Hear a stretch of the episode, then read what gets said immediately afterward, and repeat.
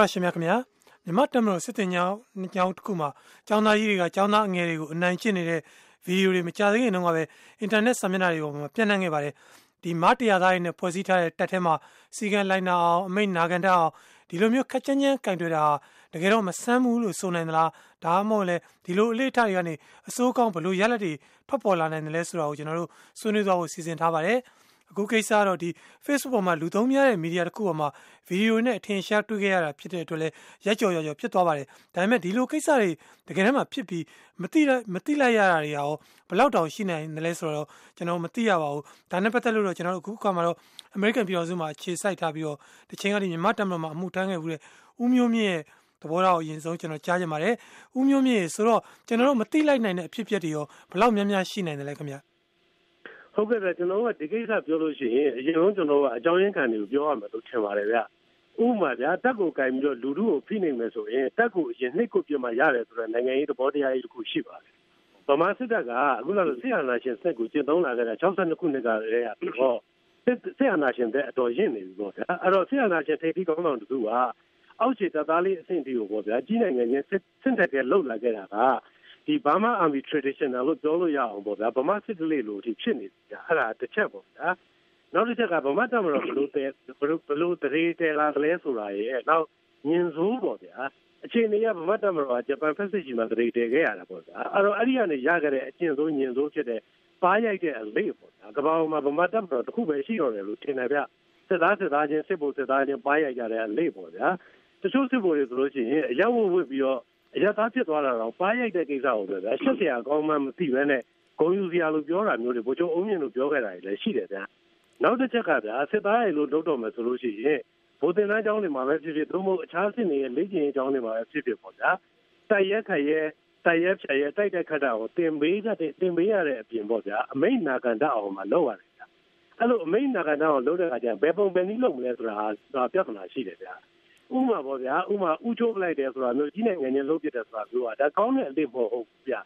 ဥမာဒါစစ်တပ်မှာလည်းစစ်တပ်ကဥပဒေတွေနည်းဥပဒေတွေပေါ့ဗျာလုံထုံးလုံတွေရှိတယ်ဗျာနောက်စစ်တီတော်ကျုံဝင်60ဆိုတာလည်းရှိတယ်ဗျာအဲ့ဒါတွေနဲ့စနစ်တကျပေါ့ဗျာစစ်တပ်ကိုစနစ်တကျလုပ်ပေးဖို့လည်းလိုတယ်ဗျာအဲနောက်တစ်ချက်ပေါ့ဗျာတပ်တွင်းဒီမိုကရေစီကိစ္စပေါ့ဗျာဥမာပေါ့ဗျာစစ်တပ်တွင်းမှာလည်းအရက်ဖက်မှာလိုပါပဲ မတင်နှမှုတွေမတရားမမျှတမှုတွေကြီးနိုင်ငံချင်းလောက်တာတွေလိုလားချက်တွေစစ်တပ်ထဲမှာရှိတယ်ဗျာဒါပေမဲ့အဲ့ဒါတွေကစစ်သားတွေကရက်သူရက်သားတွေကိုတွေလိုတော့ပေါ့ဗျာလမ်းမထွက်ပြီးဆန္ဒပြတာတွေလူစုလူဝေးနဲ့ပေါ့ဗျာတောင်းဆိုတာတွေမတင်တဲ့ချက်တွေလူလူတိုက်ပွဲလုပ်တာတွေအဲ့လိုတွေတော့လုပ်ခွင့်တော့မရှိဘူးပေါ့ဗျာစစ်တပ်ကိုအဲ့လိုအရသာဒီမိုကရေစီပေးလို့တော့ပေးလို့မရဘူးပေါ့ဒါဒါနဲ့လို့တပ်တွင်းဒီမိုကရေစီတော့ပေးရမယ်ဗျာတပ်ထဲမှာခုနလိုမျိုးမတရားတာတွေကြီးနိုင်ငံချင်းတာတွေ အမမျှတာတွေလုံနေပြီဆိုလို့ရှိရင်ပေါ့ဗျာအဆင့်လိုက်အဆင့်လိုက်ပေါ့ဗျာအနှုတ်နယ်ပဲဖြစ်စေစားနယ်ပဲဖြစ်စေပေါ့ဗျာတရားဝင်တင်ပြခွင့်သတင်းပို့ပိုင်ခွင့်ရှိရမှာပေါ့ဗျာနောက်တစ်ခါတပ်တွင်းစည်းဝေးတွေမှာပြောပြခွင့်တွေလည်းရှိရမှာပေါ့ဗျာနောက်တစ်ခါအောက်ခြေလူစစ်သားကိုယ့်ရဲ့တပ်မှုအကြီးငယ်အဆင့်လိုက်တွေကိုပေါ့ဗျာအာဒီမိုကရေစီနည်းတဲ့ရွေးချယ်တာမျိုးပေးလို့လည်းမရသလိုပေါ့ဗျာမကြိုက်တဲ့ချိန်မှာထုတ်ချခွင့်လည်းပေးလို့မရဘူးဗျာ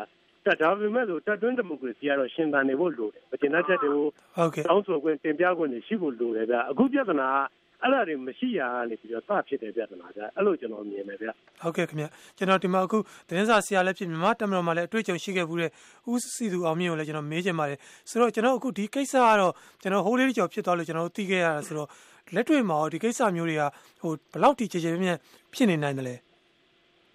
အဲကျွန်တော်ကိုယ်တိုင်ကအဲ့ဒီ ဟိုပါ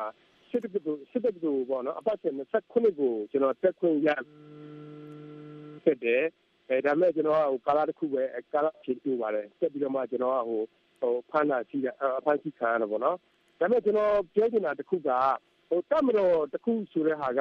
အထက်အမိတ်ကိုမနာခံမှုဆိုရင်သူကစစ်တိုက်လို့မရဘူးဒါကနိုင်ငံတကာတမတော်တိုင်းမှာရှိနေတဲ့ပြဿနာပဲအဲ့ဒါကိုတစ်ချက်ကျွန်တော်တို့နားလည်ဖို့လိုတယ်နောက်ဒုတိယတစ်ခုကအဲ့ဒီလိုမျိုး အမိတ်နာခံမှုကိုတိဆောက်တဲ့စီမှာဘယ်ပုံစံတိဆောက်ကြမလဲပေါ့ဘယ်ပုံစံတိဆောက်ကြမလဲဆိုတော့ဟိုဘာပဲအမိတ်ဖြစ်ဖြစ်အကုန်လုံးလုပ်မယ်ဆိုရင်တော့ဒါကတော့ဟိုအာဏာရှင်စနစ်ဘက်ကိုသူကသွားမှာပေါ့ဒီလိုမှမဟုတ်ဘဲနဲ့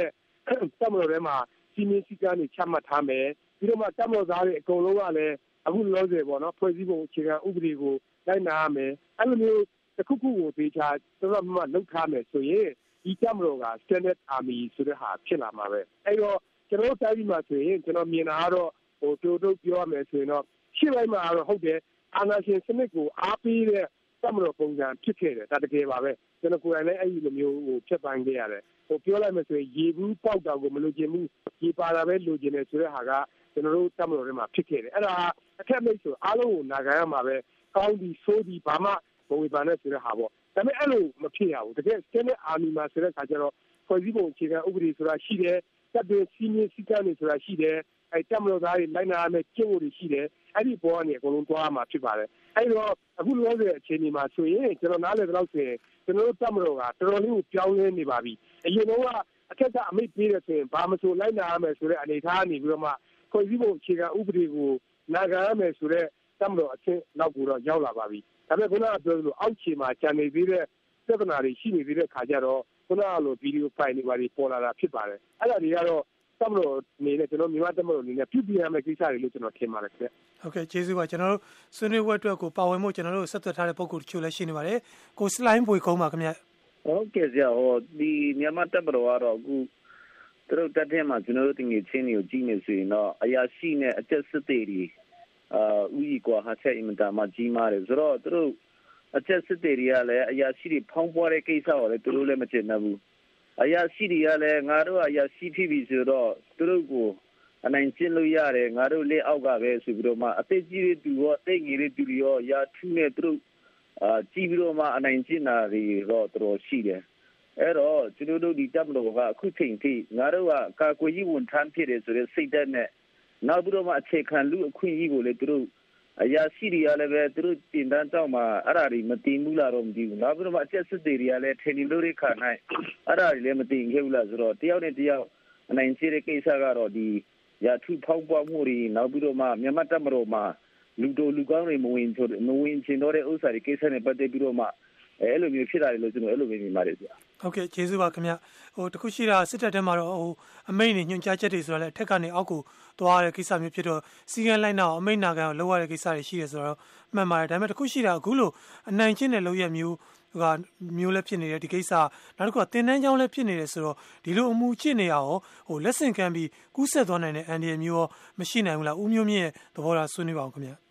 အဲ့ဒါကျွန်တော်ခုနပြောသလိုပေါ့ဗျာအဓိကပြဿနာပေါ့ဗျာစစ်သားဆိုတာအမိန့်နာခံရတယ်ဗျာ ဟိုမှာအမိန့်နာခံမှုဖြစ်ရင်စစ်တိုင်လို့မရဘူးဗျာစစ်ဘိုလ်ရောစစ်သားရောနှစ်ယောက်လုံးကယောက်ျားတွေပဲဗျာလက်ထဲမှာလည်းတနတ်တွေနဲ့ပဲခြေကမ်းစစ်မြေပြင်မှာပေါ့ဗျာစစ်ဘိုလ်ကတပ်မှုကတပ်သားကိုအမိန့်ပေးလို့တေးဆိုတေးတိုက်ဆိုတိုက်ဖြစ်ရတယ်အမိန့်နဲ့ချုံတော့တာဗျာဒါပေမဲ့လို့အမိန့်နာခံကိုဘယ်လိုလုပ်မလဲဆိုတော့နီလန်းပေါ့ဗျာအခုလုပ်နေတဲ့နီလန်းအမိန့်နာခံကိုလုပ်တဲ့နီလန်းဆိုတာတပေါ့ဗျာကြီးနိုင်ငံငင်းမှုဟာတရားမျှတတယ်ဆိုတာမျိုးစနစ်တကျသင်ပေးတဲ့ပုံစံဖြစ်လာတယ်ဗျာအခုနောက်တစ်ခုကျွန်တော်တို့တွေးရမှာက စစ်သားဆိုတာကလည်းဘယ်နိုင်ငံမှာဖြစ်ဖြစ်စစ်သားဆိုတာလည်းယူနီဖောင်းဝတ်ထားတဲ့နိုင်ငံသားဗျာအဲ့တော့နိုင်ငံသားတယောက်ရဲ့အခွင့်အရေးတွေရပိုင်ခွင့်တွေသူ့မှာရှိတယ်လို့ပေါ့ဗျာစောင့်စည်းရမယ့်ကျင့်ဝတ်တွေတိတ်ခါတွေပေါ့တာဝန်ဝတရားတွေလည်းသူ့မှာရှိတယ်ဗျာကျွန်တော်တို့ကတက်မတော်အဲ့ဒါတွေသင်ပေးရမယ်နောက်တစ်ခုကတက်တွင်းဒီမိုကရေစီစိတ်သုံးမှုပေါ့ဗျာတက်တွင်းဒီမိုကရေစီစိတ်သုံးစိတ်သုံးလာတဲ့အခါကျတော့ကြီးနိုင်ငံချင်းမှုတွေမတရားမှုတွေခုနလိုမများတမှုတွေတမှုတွေရဲ့ထင်ရလုံးမှုတွေအဲ့ဒါတွေကအခုလိုဖြစ်နေတိုင်းဖြစ်လာတာဗျာအဲ့တော့အောက်ခြေတူအနေနဲ့က တပ်တွင်းဒီမိုကရေစီပုံစံအရတင်ပြခွင့်တွေရှိတယ်အရေးဆိုပိုင်ခွင့်တွေရှိတယ်ဆိုဆိုသလိုပေါ့ဗျာအောက်ကနေအဲ့လိုတင်ပြလာတဲ့ဟိုအရေးဆိုလာတယ်ဆိုလို့ရှိရင်လည်းအထက်တမှုစဉ်စဉ်တွေကနေပြီးတော့အလေးနဲ့ပေါ့ဗျာစီစစ်ပြီးသုံးသပ်တာကြောင်းဝင်ဖြန့်ပြပေးတာအရေးယူဆောင်ရွက်ပေးတာအဲ့လိုမျိုးတွေလုပ်ရမှာဗျာအဲ့လိုမျိုးတွေမလုပ်နိုင်မနဲ့ရတော့တပ်တွင်းဒီမိုကရေစီရှင်းတောင်မလုပ်နိုင်မနဲ့ရတော့အခုဖြစ်တဲ့ဖြစ်စဉ်တွေဟာဆက်ဖြစ်နေမှာဗျာဥပမာဆိုပါတော့ဗျာမနစ်ကဆိုလည်းစေးတက်ကတမှုတယောက်က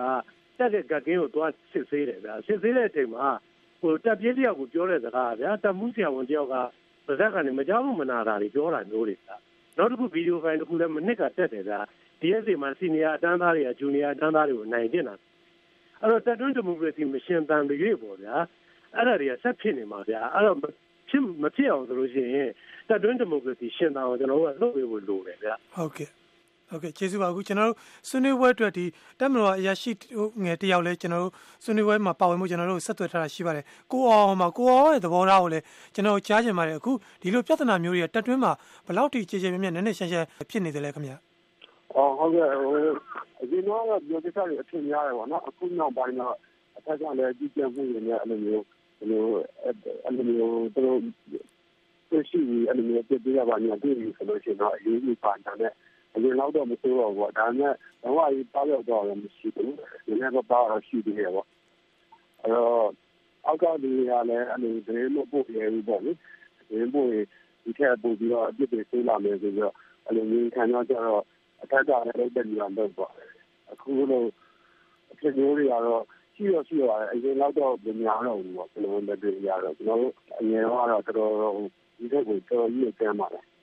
ဟုတ်ကဲ့ကျေးဇူးပါအခုကျွန်တော်တို့တောတာရှင်တချို့ပေးထားတဲ့တောတာရှင်တချို့ပေးထားတဲ့ပေးစာတွေလည်းကျွန်တော်ကြားထဲမှာဖော်ပြပေးချင်ပါတယ် VOA ပြေးသက်တက်မတော်သားဟောင်းတူဆိုပြီးပေးပို့ထားတဲ့စာဆောင်ဖြစ်ပါတယ်ကျေးဇူးပြုပြီးတော့နန်းလောင်ဖတ်ပြပေးပါဦးခင်ဗျဟုတ်ကဲ့ပါရှင် အမ်ကျွန်တော်ကတပ်မတော်ထဲကို1980ခုနှစ်ကနေ1999ခုနှစ်ထိ16နှစ်ကြာတာဝန်ထမ်းဆောင်ပြီးတခြားအဆင့်ကနေဗိုလ်ကြီးအဆင့်ထိတာဝန်ထမ်းဆောင်ခဲ့ပါတယ်။တရင်တွေမှာတပ်မတော်စစ်တင်တန်းကြောင်းတစ်ခုမှာအရာရှိငယ်တွေကတခြားတင်တန်းသားတွေကိုလူမဆန်စွာထိုးကျိတ်နေတာကိုကြည့်လိုက်ရတော့ကျွန်တော်မာနာကိုပြောရရင်အသက်တောင်မှမရှူမိပဲနဲ့အံ့ဩနေပြီးတော့စိုးရင်ထိတ်လန့်မိတယ်တဲ့။ကျွန်တော်မိထီလာလက်ကျင့်ရေး3မှာ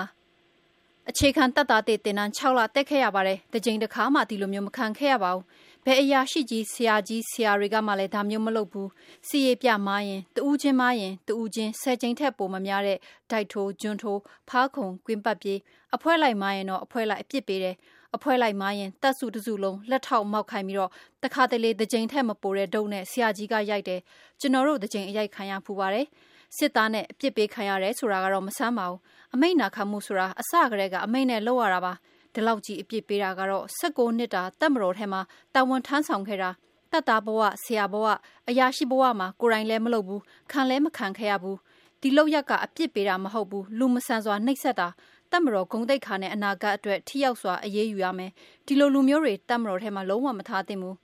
ဒါမျိုးကရဲတွေမှာလည်းရှိတယ်ရက်ွက်ထဲမှာရှိတဲ့ရန်ကုန်တိုင်းရဲတပ်ရင်တရင်ကရဲတပ်သားနဲ့တခြားပါလာတဲ့ရဲနှစ်ယောက်ကသူတို့အမေတွေနဲ့2012ခုနှစ်ကျွန်တော်စီကိုလာပြီးတော့ တက်ခွဲမှုကရဲတပ်သားတွေအပြစ်လုပ်ရင်လက်ထောက်မောက်ခိုင်းပြီးကြံရဲတပ်သားတွေကိုလူစိတ်အရိုက်ခိုင်းတယ်အချင်းချင်းညာပြီးတော့ဖြစ်ဖြစ်ရရင်နမူနာအရိုက်ခံရတယ်။ဒါကြောင့်အရိုက်မခံရအောင်တအားရိုက်ရတယ်လို့ဆိုပြီးမခံနိုင်လို့လာအကူကြီးတောင်းပါတယ်။ကျွန်တော်လည်းလှုပ်ထုံလုံနေတဲ့အတိုင်းအကြံပေးလိုက်ပါတယ်။ဒါပေမဲ့အဲ့ဒီရဲတပ်သားကတရဝင်းတိုင်ကြားချင်းမလုပ်တော့ တရားဝင်တိုင်ကြားခြင်းမလုပ်တော့ဘဲနဲ့2012ခုနှစ်ထဲမှာပဲရဲတပ်ရင်ကနေပြေးလာပြီးဒီနေ့အထိမိဘရှိရာရက်ွက်မှာမနေရတော့ဘဲနဲ့ရဲပြေးဘဝနဲ့ဖြစ်နေရပါတယ်တဲ့ဒါကြောင့်ဒီလိုရိုက်နဲ့ထိုးကြိတ်ခြင်းဟာအပြစ်ပေးခြင်းမဟုတ်ပဲနှိပ်စက်ခြင်းလူသားမဆန်ခြင်းဖြစ်ပါကြောင်းဆွေးနွေးအပ်ပါတယ်လို့ရေးထားပါတယ်ရှင် ဟုတ်ကဲ့ကျေးဇူးပါခင်ဗျအခုဖြစ်သွားတဲ့ကိစ္စကတော့ဒီတက်နံမဲ့ထိခဲ့တဲ့ကိစ္စဆိုတော့တစုံတရာအဖြစ်ပေးအေးအေးယူတာလည်းရှိလိမ့်မယ်လို့ထင်ပါတယ်နောက်တစ်ခုကအခုဟိုဟိုအစိုးရကိုယ်တိုင်ရောတက်မလို့ကိုယ်တိုင်ရောအပြောင်းလဲလုပ်မယ်ဆိုပြီးတော့ဂရီပေးထားရလည်းရှိပါတယ်ဒါပေမဲ့လည်းအေးအေးယူရဲဆိုရင်တော့မှလူလူအနေနဲ့သိနိုင်တဲ့အခွင့်အလမ်းရှိပါမလားသိရောသိခွင့်မရှိနိုင်ဘူးလားဆရာဦးစီသူအောင်မြင့်သဘောထားဆွေးနွေးပြပါဦးခင်ဗျ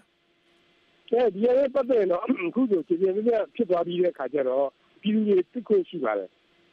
တမတော်ဟာ ခုနကလိုဟိုဘုရားဥစားပေါ့ဘုရားမူကြီးမင်းအောင်လိုင်းပြောသလိုပေါ့စတဲ့အာမီအဖြစ်ကိုတိဆောက်နေတယ်ဆိုရင်တော့အဲဒီလိုပြဿနာတွေကဒီလိုရှိခဲ့ပါတယ်ဒါကြောင့်မလို့ကျွန်တော်တို့ဒီလိုမျိုးတမတော်ကိုတိဆောက်တာတွေပြောင်းလဲပြီးတော့တိဆောက်နေပါတယ်ဆိုတဲ့ဥစ္စာဟိုပြောခွင့်ရှိပါတယ်တကယ်လည်းအဲ့ဒီတိုင်းကိုပြောင်းလဲပြီးတော့တိဆောက်မှသာအနာဂတ်မှာတကယ်ကိုဟိုတိုက်ခိုက်စွမ်းရည်ရှိတဲ့အချုပ်ချာအာဏာကိုဟိုကာကွယ်နိုင်စွမ်းရှိတဲ့ဒီမိုကရေစီစနစ်နဲ့အရှင်ဟိုအရှင်ပြေချုံးမွေလိုက်လို့ဒီရှိတဲ့တမတော်ဖြစ်မယ်လို့ကျွန်တော်ကတော့ထင်ပါတယ် ဟုတ်ကဲ့ဦးဆရာဦးမျိုးမြင့်သဘောထားအောင်ခင်ဗျကျွန်တော်အခုဒီဒီကိစ္စနဲ့ပတ်သက်လို့တစုံတရာအရေးယူတဲ့အဖြစ်ပေးတဲ့ဆိုရင်တော့မှလူလူအနေနဲ့သိခွင့်မရှိနိုင်ဘူးလားဟုတ်ကဲ့မနေ့ကကျွန်တော်မြောက်ဝတီသတင်းတစ်ခုမှတွေ့လိုက်တယ်ဗျာအဲ့ဒီကိစ္စနဲ့ပတ်သက်ပြီးတော့ပေါ့ဗျာတက်ကနေပြီးတော့တက်ကစစ်ဥပဒေချုပ်ပေါ့ဗျာလက်ထောက်စစ်ဥပဒေချုပ်ဆိုလားမသိပါဘူးသူကလည်းသွားပြီးတော့စုံစမ်းစစ်ဆေးနေတဲ့အရေးယူနေတဲ့အပြစ်ပေးမယ်လို့ဆိုတယ်ပေါ့ဒါကောင်းတဲ့လက္ခဏာဒါကြိုလဲကြိုဆိုရမှာပါဒါပေမဲ့လို့ အခုကတက်တွင်းကိစ္စဗျာတက်တွင်းမှာဖြစ်တဲ့ကိစ္စဆိုတော့တက်တွင်းမှာဖြစ်တယ်ပေါ့ဗျာစစ်ခုံရုံးပေါ့ဗျာအဲ့ဒါတွေပဲဆုံးဖြတ်မှာဗျာအဲ့တော့အရက်ဘက်ကလူထုအနေနဲ့ပေါ့ဗျာဒီခုံရုံးမှာသွားပြီးနားထောင်တာတို့သိခွင့်ရဖို့တောင်းဆိုတာတို့မီဒီယာသမားတွေသွားဖို့ဒါတွေကတော့မဖြစ်နိုင်ဘူးဗျာဖြစ်လည်းမဖြစ်အပ်ဘူးပေါ့ဗျာရလည်းမရနိုင်ဘူးပေါ့ဗျာအဲ့တော့စစ်တပ်တွင်းမှာဖြစ်တဲ့ကိစ္စဒါပေမဲ့တရားစီရင်ပြီးသွားပြီစစ်တပ်တွေက court martial နဲ့ပေါ့ဗျာတရားစီရင်ပြီးသွားပြီဆိုတဲ့အခါကျရင်တော့ ဘယ်လိုစီရင်ခဲ့တယ်ဒီကိစ္စနဲ့ပတ်သက်ပြီးကျူးလွန်သူတွေအတွက်ဘယ်လိုတွေလုပ်ခဲ့တယ်တရားရုံးရဲ့ process တွေကဘယ်လိုတွေပါဆိုတော့တူတူကိုပေါ့ဗျာဆက်မတော်အနေနဲ့တော့ထုတ်ပြတင်တယ်လို့တော့ကျွန်တော်ထင်တယ်ဗျဟုတ်ကဲ့ကျေးဇူးအများကြီးတင်ပါခင်ဗျာပါဝင်ဆွေးနွေးပေးခဲ့တဲ့ဦးမျိုးမြင့်ဆရာဦးစီသူအောင်မြင့်နဲ့တခြားပါဝင်ဆွေးနွေးကြတဲ့ပုဂ္ဂိုလ်တွေအားလုံးကျေးဇူးတင်ပါတယ်ဗျာ